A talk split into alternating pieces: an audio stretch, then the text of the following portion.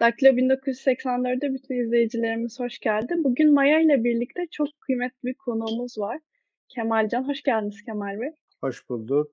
Sizinle birlikte yayın yapmak gerçekten çok güzel. İlk önce size şunu sorarak başlamak istiyorum. Yani Kemal Kılıçdaroğlu'nun YSK hakkında yaptığı açıklamalar gündemi çok belirleyici oldu son süreçte.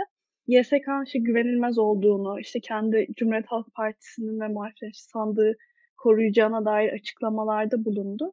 Size bunları soracağım ve kendi fikrimi de size merak ediyorum. Yani şunu da sormak istiyorum.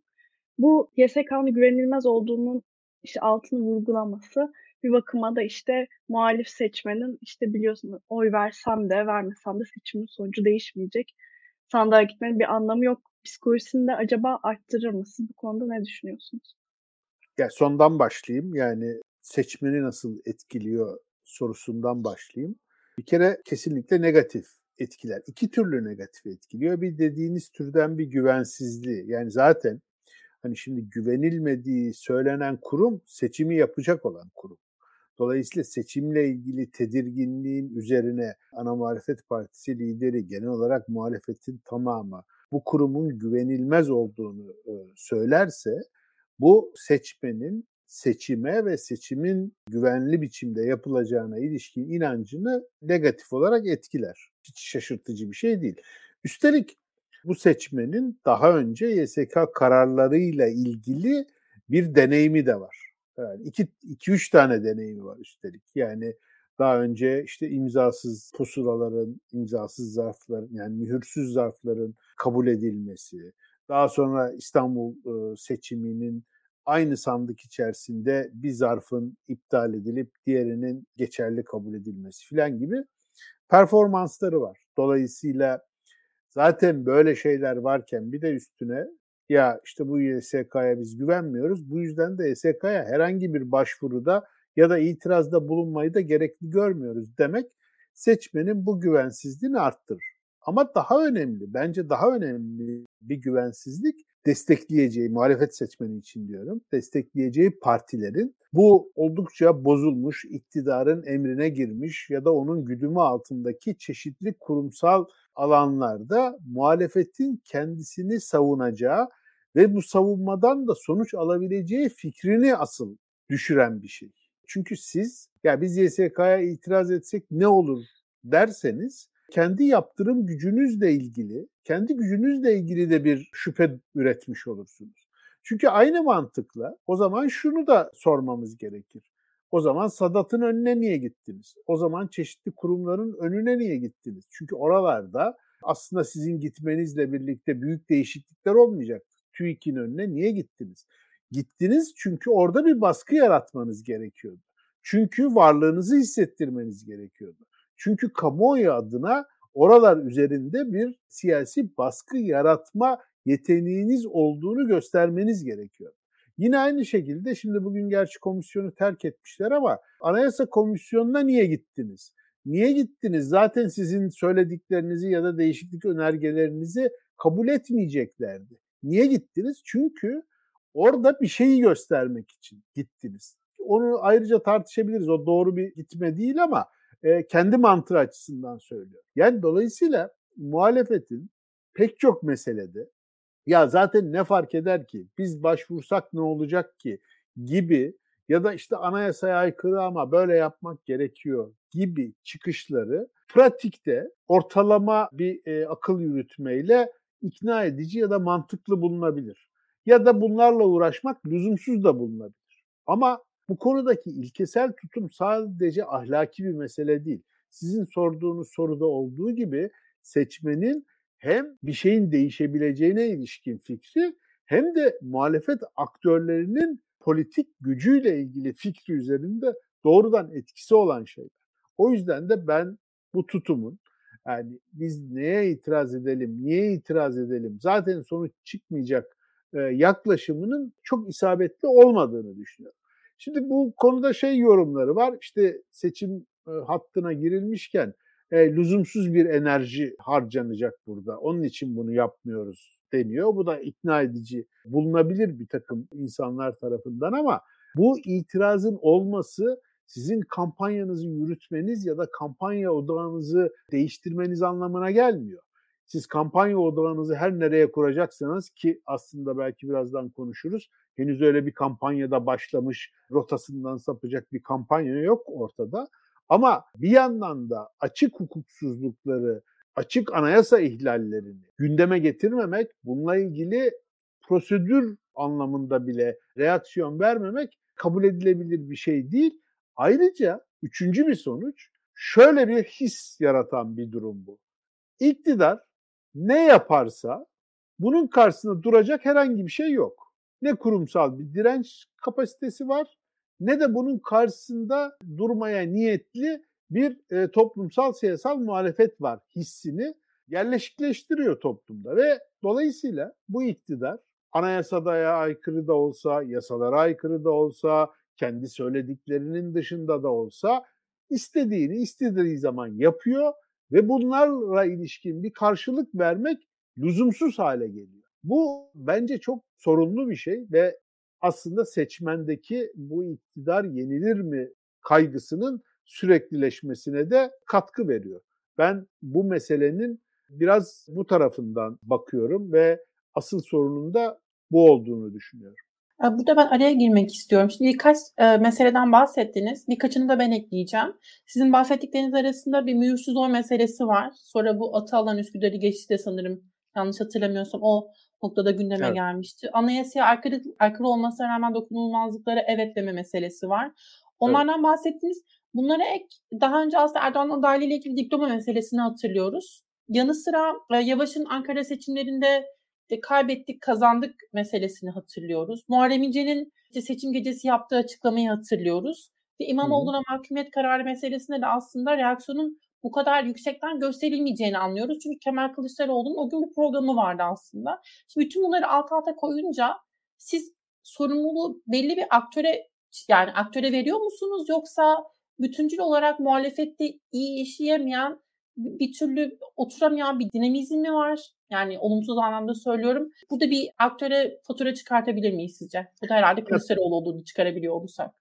Evet son YSK açıklamasını Kılıçdaroğlu yaptığı için tabii ki bu konuda onunla ilgili ve verdiğiniz örneklerin bir kısmında da onun dahli var. Özellikle mesela dokunulmazlık meselesinde filan. Ama ben bunun genel olarak muhalefetin bütününe ilişkin bir mesele olduğunu düşünüyorum. Çünkü şimdi bu tür böyle iktidarın yaptığı hukuksuzluklar, işte yasa anayasa ihlalleri filan gibi meselelerde kuvvetli reaksiyon vermemenin genel olarak işte e, mağduriyet yaratmama ya da işte hep çok moda olduğu kavramla gündemi bozmama ya da gündemi değiştirme ataklarına imkan vermeme gerekçeleriyle pek çok meselede pek çok aktör için gündeme getirdiğini e, getirildiğini görüyorum. Mesela çok daha önceki tartışmalarda bu sokak iktidar. Şimdi burada böyle şey argümanlar var. İktidar halkı sokağa çekmek istiyor ve buradan bir imkan devşirir, olağanüstü bir durum yaratır, bunu kullanır. Şimdi bunu bunu açıkçası mesela sadece Kılıçdaroğlu'na mal edemeyiz. Ben hemen hemen bütün muhalefetin siyasi aktörlerinin neredeyse tamamından çeşitli olaylarda bunu duyduğumu hatırlıyorum. Hatta çok daha ileri giderek sanki bizzat Erdoğan onlara söylemiş gibi emin olun ki şu anda Erdoğan'ın en çok istediği sokaklarda insanların olması diyen yorumcular, siyasetçiler gördüm. Bu aslında çok farklı değil. Yani hukuki bir meseleye reaksiyon vermemekle toplumsal bir meseleye alanında, yerinde ve kuvvetli reaksiyon verilmesinin iktidarın işine yarayacağı, yorumlarının çok farklı kaynaklardan beslenmediğini düşünüyorum. Aslında bunun hepsinin özünde şu var. Yani e, iktidarın çizdiği siyaset alanının içinde hareket etme hassasiyeti bütün muhalefete sirayet etmiş durumda. Bu bazen dış politika meselelerinde önümüze gel- geliyor. İşte getirilen tezkereye biz şöyle dersek iktidar bunu böyle der. Aslında bunun doğru olmadığını biliyoruz ama bizim böyle yapmamız lazım deniyor. Bu veya bir işte yine e, toplumsal kutuplaştırmanın meselesi olan laiklik, kadın sorunu, mesela sonuçta anayasa referandumu meselesi tekrar oraya dönersek Şimdi çekildiler komisyondan ama o komisyona girme gerekçeleri böyle bir şeydi. Yani açıkça şunu söylüyorlardı herkes, bütün e, muhalefet aktörleri. Bu bir istismar hamlesi. E peki istismar hamlesi ise neden istismar hamlesinin sonuç doğuracağına ilişkin bu kadar kuvvetli bir inançla sizin orada olmamanızın aleyhinize kullanılacağı varsayımıyla o komisyon toplantısına katılıyorsunuz? Şimdi dolayısıyla evet bu son olayda ve hukuki meselelerde Kılıçdaroğlu'nun çok sayıda örneği var ama açıkçası ben diğer alanlarda neredeyse bütün muhalefet aktörleri için benzer yaklaşımları sıralayabilirim. En az beşer onar örnekte onlar için çıkar. Dolayısıyla bu genel bir algı, genel bir problem. İşte bazen dediğim gibi ve her seferinde de ilginç biçimde bu argümanlar kullanılıyor. Bir, iktidara mağduriyet fırsatı vermemek. İki, iktidarın istismarının önünü kesmek. Üç, zaten iktidar tam da bunu istiyor. Bu afaki argümanlar neredeyse böyle şey gibi. Bunu söylediniz mi akan sular duruyor. Birdenbire diyorsunuz ki iktidar tam da bunu ister. Mesela şimdi şu, şu sıralar şey yorumlarını çok duyuyorum. İktidar bu anayasa tartışmasıyla muhalefetin oyalanmasını işte Erdoğan aday olamaz tartışmasının içine sürüklenmesini emin olun çok ister. İşte iktidar ekonomik kriz nedeniyle sokaklarda hareketlik olmasını çok ister. İktidar işte laiklik meselesinin tartışma konusu olmasını çok ister. İktidar dış politika meselelerinde kendisinden ayrı düşmesini muhalefetin çok ister. Bunlar hep çok ezbere, biraz seçmeni de aslında içermeyen, seçmen adına yorumlarla beslenen, hatta iktidar seçmeninin bile artık çok satın almadığı bir takım ezberlere dayanıyor. Ama ne yazık ki neredeyse bütün muhalefete sirayet etmiş kolay bahaneler üretmeye yaradığı için hala kullanılıyor. Ya ben çoğu zaman muhalefet aktörlerinin sahiden böyle olduğuna inandıkları için değil, şu ya da bu nedenle öyle davranmak istediklerinde iyi bahaneler sağladığı için böyle davrandıklarını düşünüyorum. Bir izleyici yorumu var. Diyor ki sokak kadar başına taş düşsün herkesin. Bence de öyle. E, Muharrem bir yorumu var. İmamoğlu çıkacak sonucu bilmiyor mu? Bunu bilerek daha çok sokağa inecek. Mücadelesini sokakta verecek. Kaybetse de halkın gözünde bir itibarı olacak. Anlatabildiği kadar anlatacak sonuna kadar. Şimdi bu yorumundan yola çıkarak aslında belki tam da bu bahsettiğimiz meseleler üzerine kendini açıklamak, kendini ifade etmek ve sanki bir hukuk devletinde yaşıyormuşçasına e, hukuki gerekçelerle, hukuki argümanlarla kendini savunmaya kalkmak. İmamoğlu'nun aslında İstanbul'daki işte sözüm ona terör soruşturmaları ile ilgili olarak yaptığı açıklamalar belki bunu işaret ediyor. Bu mesela doğru bir hamle midir muhalefet açısından ve böyle mi devam etmek gerekir? Sizin bu söylediklerinizden çıkarılması gereken bu mu? Bu, olur mu yani? Şu doğru bir argüman. Sanki Türkiye bir hukuk devleti mi ki işte normal prosedüre uygun itirazlarda bulunulsun, hukuki zeminde e, sonuç aranmaya çalışılsın. Elbette doğru değil. Çünkü hiçbir aslında artık sadece siyasi davalar değil, herhangi bir kurumsal devletin herhangi bir kurumsal faaliyetinin kurallar, kavramlar ve kurumların kendi iş, işleyiş prosedürlerine uygun yürümediğini biliyoruz. Pek çok meselede biliyoruz. Ekonomik paylaşım tercihlerinde böyle olmadığını biliyoruz. Yargı kararlarında böyle olmadığını biliyoruz.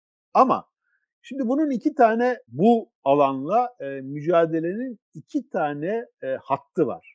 Ve aslında birini feda etmeden ikisini beraber yürütmek gerekiyor. Birincisi bütün kurumsal ve kavramsal çerçeveyi tamamen tahrip edilmiş olsa bile savunmak ve bunun tamamen yok edilerek e, ilerlenebilmesinin önünde bir engel teşkil edecek bütün gerekleri yerine getirmek. Yani bütün itirazları yapmak, sonuç çıkmayacak olsa bile başvuruları yapmak, tamamen ne karar çıkacağını bildiğimiz duruşmalarda çok etkili savunmalar yapmak gerekli bir şey. Bunun evet artık hukuk bitti, buna göre davranıyoruz denilerek bunun karşısında yer alınamaz. Ha bunun bir yolu vardır. İşte şeydir. Hani illegaliteye geçmektir. Hani bırakıp her şeyi yer altına çekiliyorlarsa tamam artık başka bir hatta geçiyoruz. Ama legal mücadele ve politik mücadele yürütülüyorsa burada artık hukuk yok ki biz niye hukuksal alanda bir mücadele verelim denemez. Bu çünkü ilkesel bir tutumdur. Bunu geri kazanmakla ilgili iddia bunun yok olduğunu kabul etmeme inadını göstermekle başlar. Ama bu yetmez. Bununla yetinemezsiniz. Yani ben işte gerekli başvuruyu yaptım, itirazımı yaptım, mahkemeye de başvurdum. Artık buradan sonra yapacak bir şey yok diyemezsiniz. Politik mücadele bununla ilgili, bununla sınırlanamaz ve bununla kısıtlanamaz. Bu yaptığınız şeylere devamen alanda, sokakta, politik arenada, medyada, gerekirse bazı konularda uluslararası platformlarda mücadelenizi yaygınlaştırmak, bu mücadelenin tabanını genişletmek ve yaratıcı araçlarla bunu politik baskıya dönüştürmeniz gerekir. Ama biri diğerini e, engelleyen bir şey değil. Hatta birbirini e, beslemesi ve desteklemesi gereken şeyler bunlar. Şimdi bu açıdan baktığımızda e, ne diye hukuki mücadele verilecek? Bassın istifayı, herkes de sineyi millete dönsün bir seçenek olabilir. Ama tersi de bir seçenektir. Hukuksal mücadeleyi son ana kadar zorlamak ama buna karşılık tamamen bütün süreci de ona bırakmamak, bir yandan da bunu toplumsallaştırmak, siyasallaştırmak önemli bir motivasyon. Yani her türlü mağduriyeti bir tür pasif pozisyon olmaktan çıkartıp aktif bir mücadele ivmesine dönüştürmek gerekir. Bunun araçları her konuda değişebilir. Her meselede farklı olabilir. Yani kadın meselesinde bunun politikleşme araçları başkadır. Siyasal cinayetlerde başkadır. Ekonomik sorunlarda başkadır. Dış politika meselelerinde başkadır. Bunun yöntemlerini bulmakta siyaset profesyonellerin ya da toplumsal dinamikleri yönetme göreviyle mücehez sivil toplum kuruluşları ya da kitle örgütlerinin meselesidir. Ne bileyim işte deprem meselesinde TÜMOB'un salgın meselesinde Tabipler Birliği'nin pozisyon alması gibi. Dolayısıyla bu çok boyutlu bir şey. Yani toplumsal dinamikleri siyasetin parçası haline getirmek ve siyaseti süreklileştirmek anlamında bu meselelerin önemli olduğunu düşünüyorum. Ama hani derseniz ki artık hukuk devleti yok, artık kurumlar yok, artık hiçbir şey yok. Dolayısıyla bütün bu zeminleri artık kullanmanın anlamı yok. Bu aslında başka bir teslimiyet hali yaratır. Böyle olsa bile bunu tekrar etmemek, bunu kabul etmemek bir anlamda meşrulaştırmamak gerekir. Buradan da şimdi konuyu biraz altılı masanın güncel toplantılarına da almak istiyorum. Şimdi siz de bildiğimiz üzere işte Gelecek Partisi, Demokrat Parti ve Saadet'in CHP ile İyi Parti sitelerinden gireceğini de konuşuyoruz artık bugünlerde. Deva'nın da kendi listesine girme ihtimali de bir seçenekler arasında. Şöyle bir tartışma var. Yani bu bir klişe mi yoksa bu fikre katılır mısınız bilmiyorum ama mesela Gelecek, Saadet gibi partilerin seçmenleri işte sandıkta Cumhuriyet Halk Partisi amblemi gördüğünde işte bir e, geri gitme, işte oy vermekten vazgeçme gibi bir tutumları olur mu? Bunu düşünüyorum. Yani aslında Gelecek Partisi alabileceği oyu işte potansiyelin altında alır mı? Ya da işte Saadet için ne düşünüyorsunuz? AKP-MHP ittifakının hem bu başkanlık sistemi hem başkanlık sisteminin arkasında oluşturulan siyasi mimariyle yarattığı bir şey var. Aslında bu sadece Türkiye'de de değil. Bunun pek çok örneğini dünyanın çeşitli ülkelerinde gördük. Bu yeni tür popülist otoriter iktidar formunu kendi karşıtını da biraz şekillendiriyor ve onları biraz içeriği gevşemiş ve aslında kendi içine zayıf ortaklıklar haline dönüştürüyor. Yani bu yüzde elliler ve asıl çoğunlukçu e, siyaset mimarisi ittifakları mecbur kılan ve ittifakları da bu kutuplaşma politikaları nedeniyle bütün dünyada yürürlükte olan kutuplaştırma politikaları nedeniyle biraz içeriksizleştiren e, ittifaklara dönüştürüyor. Bunun komplikasyonlarını her yerde görüyoruz. İşte bunun bazen formüllerini bulup başarı kazananlar var. Formüllerini bulamayıp yenilgiye uğrayanlar ya da önce kazanıp sonra da kaybeden örnekler de var. Yani bunu dünyada çeşitli örneklerini gördük. Şimdi Türkiye'de de başkanlık sistemi, işte 50 artı 1 meselesi ve yani ittifaklı düzen siyasetin doğal akışını, siyasi dinamiklerin zaten daralmış siyasi alanda rahat hareket etmesini engelleyen bir basat yarattı. Bundan dolayı tabii ki söylediğiniz türden çok sayıda komplikasyon var. Şimdi bu tür iktidarları yenmek için muhalefetin birlikte davranması gerekir mottosu bütün dünyada sloganlaşmış durumda. Doğru da bir slogan. Çünkü bu tür iktidarlar karşısında farklı farklı çizgideki e, muhalif pozisyonların birlikte davranması mecburiyeti ortaya çıkıyor. Şimdi bu mecburiyet bir pozitif enerji üretiyor. Bir kazanma ve iktidarı değiştirme hevesiyle bütünleşiyor. Ama bu hevesin hemen altında da çok ciddi komplikasyonlar ortaya çıkıyor. Çünkü bu aslında doğal bir durum değil. Yani siyasetin akışında o siyasi dinamiklerin kendisi aslında böyle bir ortak buluşmayı mecbur kılan ya da onu mecbur eden ya da o buluşmayı sağlayan bağcıkları olan birliktelikler değil. Sadece karşısındakini devirebilmek için zorunlu olarak bir araya gelmiş birliktelikler.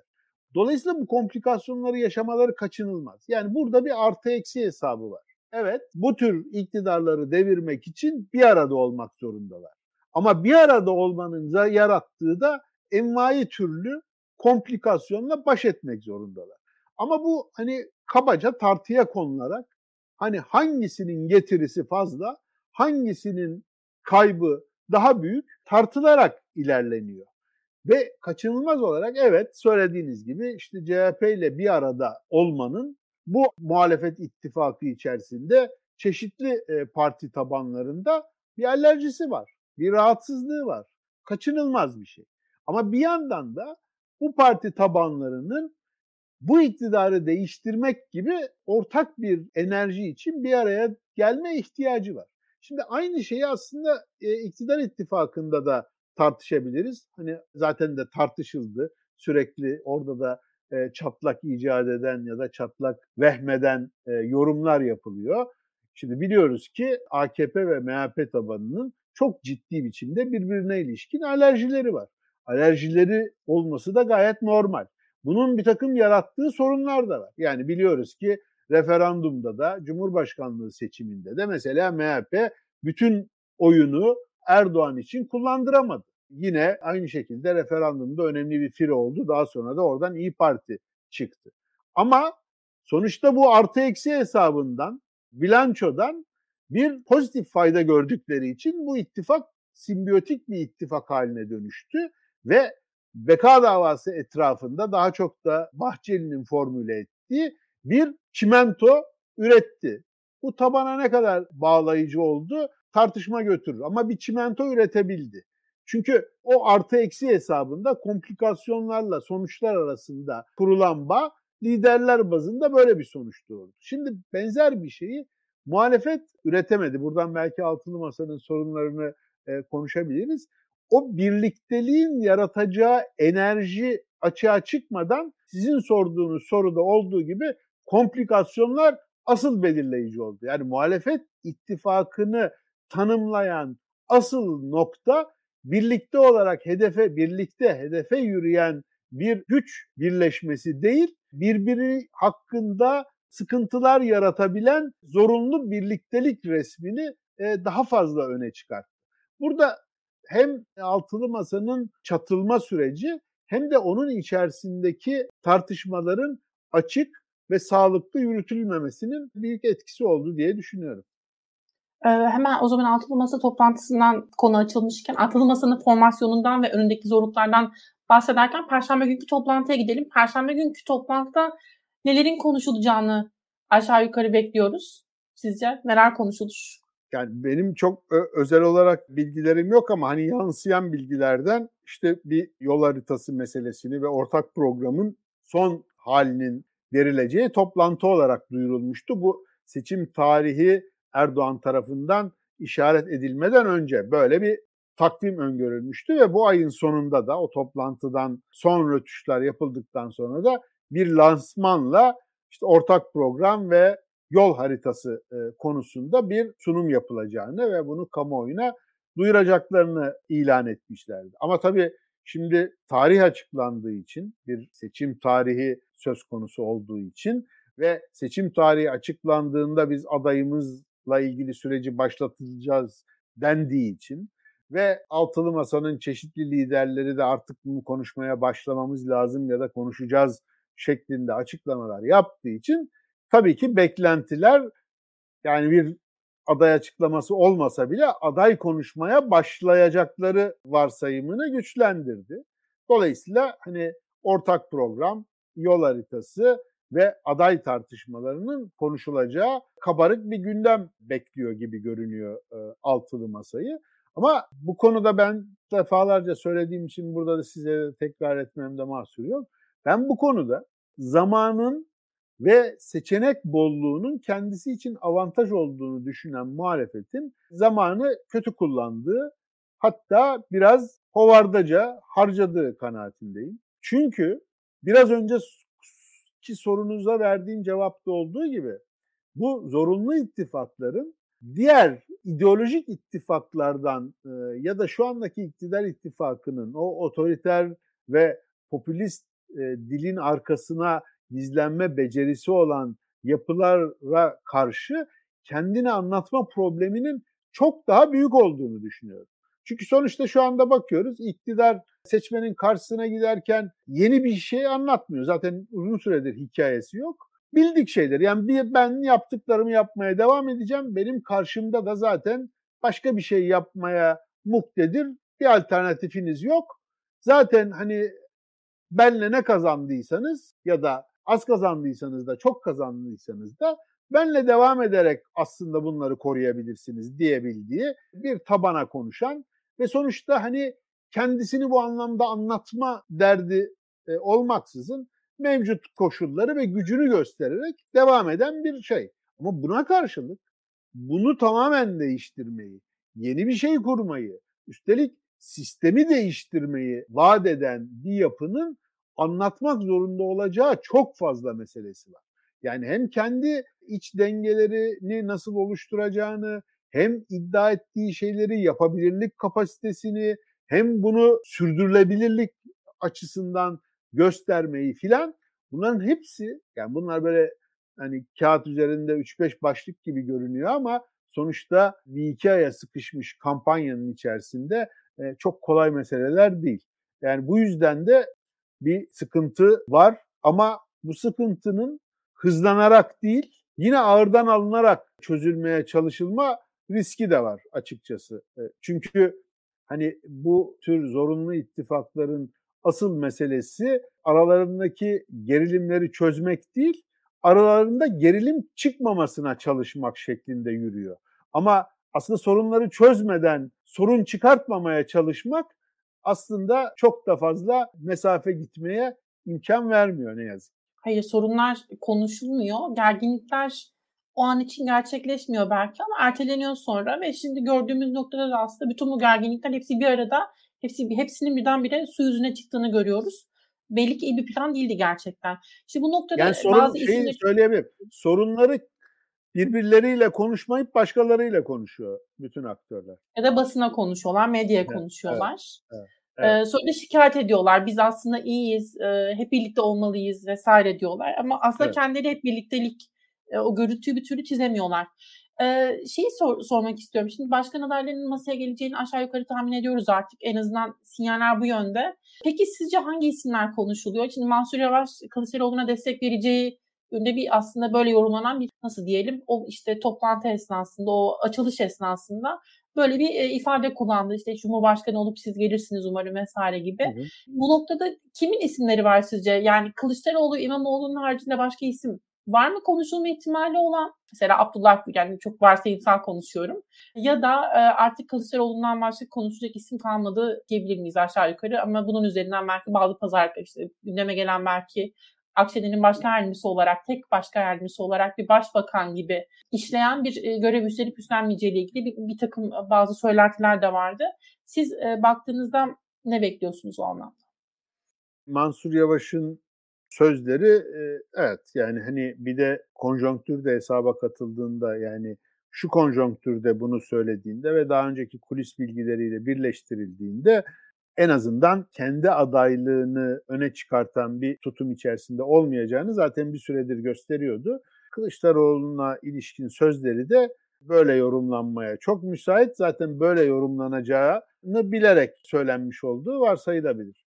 Ama mesela şeyi de hatırlıyoruz. İmamoğlu'nun da benim de Cumhurbaşkanı adayım Kılıçdaroğlu'dur sözü etmişliği var daha önce. Ama ee, o sanki daha daha şey bir açıklamaydı. Evet. Yani, evet, yani hani tabii hani birçok kişinin yaptığı gibi evet tabii neden olmasın ama bir kazanacak aday şeylerine biraz benzeyen bir çıkış o.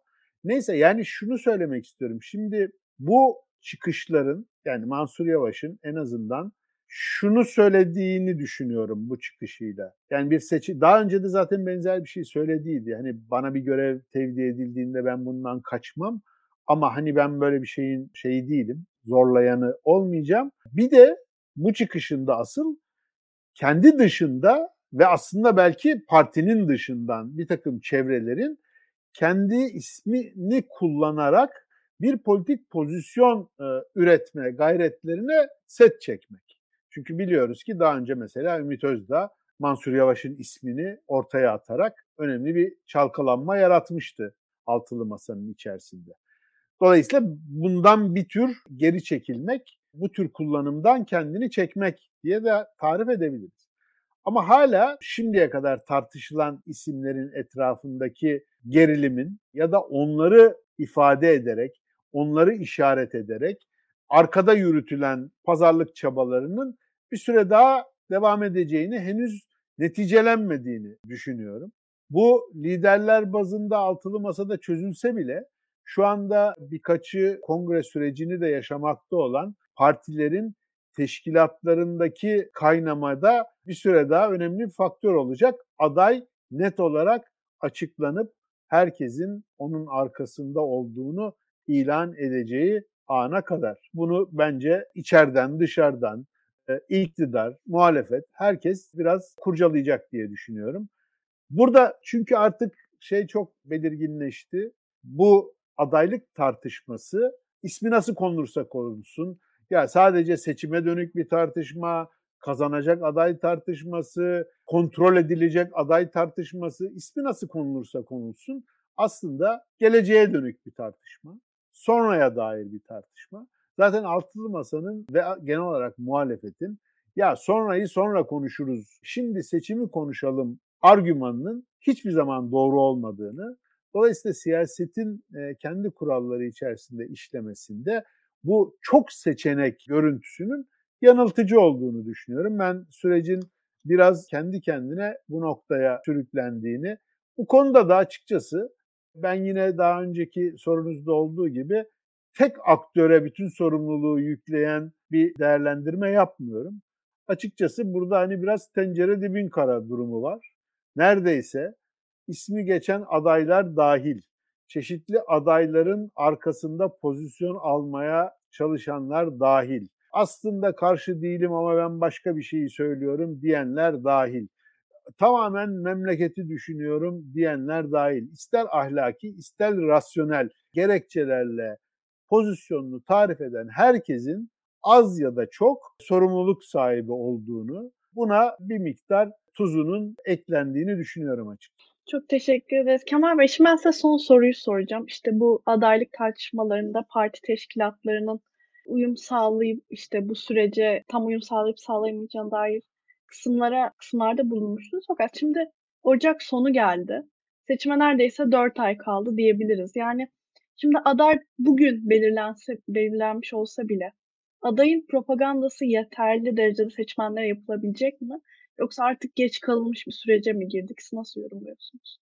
Şimdi aslında bazı adaylar ki aslında ismi geçen adayların çoğu kendisini tanıtmayla ilgili fazla bir meselesi ol. Yani tamamen şimdi yeni bir isim ortaya atılırsa filan belki bir problem ortaya çıkabilir ama adayların kendisini tanıtmasıyla ilgili çok büyük bir sıkıntı doğacağını düşünmüyorum. Yani adayları zaten biz aday tartışmıyoruz deseler de aylardır adaylarını şu ya da bu biçimde tartışıyorlar. Herkesin adaylarla ilgili negatif ya da pozitif kanaatleri var. Şey de doğru değil. Yani biz adayımızı ortaya atarsak iktidar hırpalar iddiası da çok doğru olmadığı görüldü. Çünkü aday ortaya atılmadan da bütün adaylar topluca yeterince sadece iktidarın eliyle değil muhalefetin eliyle de yeterince yıpratıldı. Dolayısıyla bu argümanları bir kenara bırakır. Adayların muhtemel yani ismi geçen adaylardan birinin oluşması halinde adayın kendini tanıtma meselesi yani bu kimdir, kim bu, nereden çıktı denecek bir durum yok. Ama çok daha önemli başka bir mesele var. Bu bütün muhalefet ortaklığını biçimleyen işte bugün ya, yarınki pardon öbür gün perşembe günü yapılan toplantıda ortaya çıkacağı söylenen bu ortak program ve yol haritasıyla bu adayın uyumu meselesi bir sorun olacak. Yani bir kere kampanyayı adayın kendi kuracağı bir kampanya olarak tasarlamak niyetinde değillerse bu uyumun ve bu dil birliğinin kurulması biraz sıkıntılı olacak. İkincisi seçim parti teşkilatlarıyla yapılan bir faaliyet. Seçim organizasyonu evet adaylar büyük bir popülerite dalgası yaratabilirler. Çıktıkları her meydanı çok sallayabilirler. Ama seçim teşkilatlarla yapılan, örgütlenmeyle yapılan bir şey. Dolayısıyla teşkilatlarla bu kampanyanın uyumu meselesi de çok hayati olacak.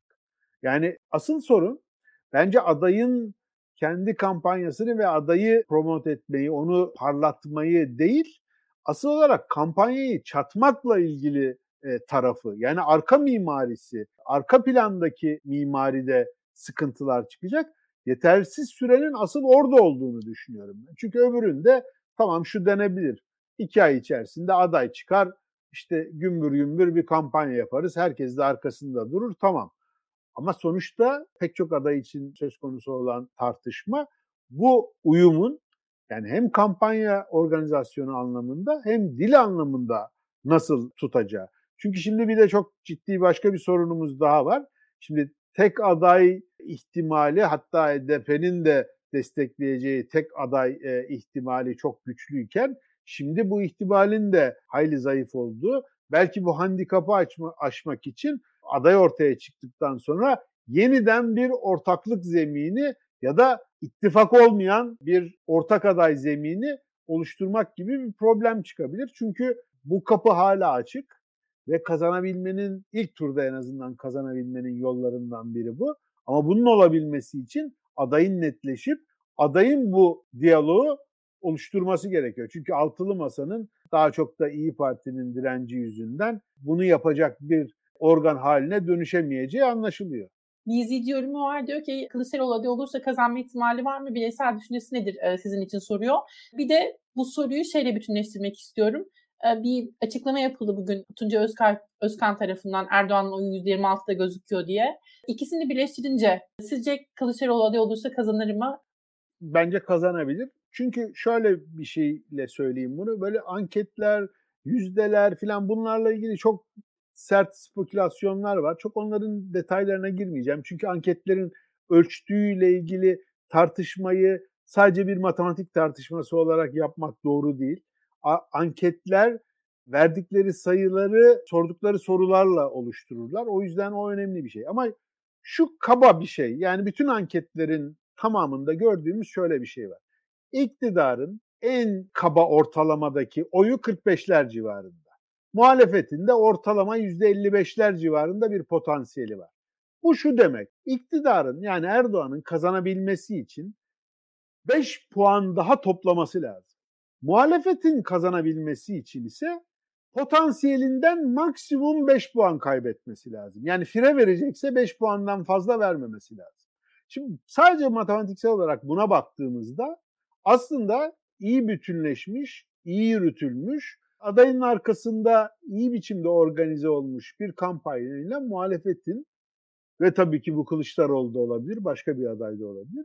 Kazanabilmesi matematiksel olarak daha mümkün. Yani işi zor olan aslında iktidar. Çünkü olmayan bir şeyi kazanmak zorunda.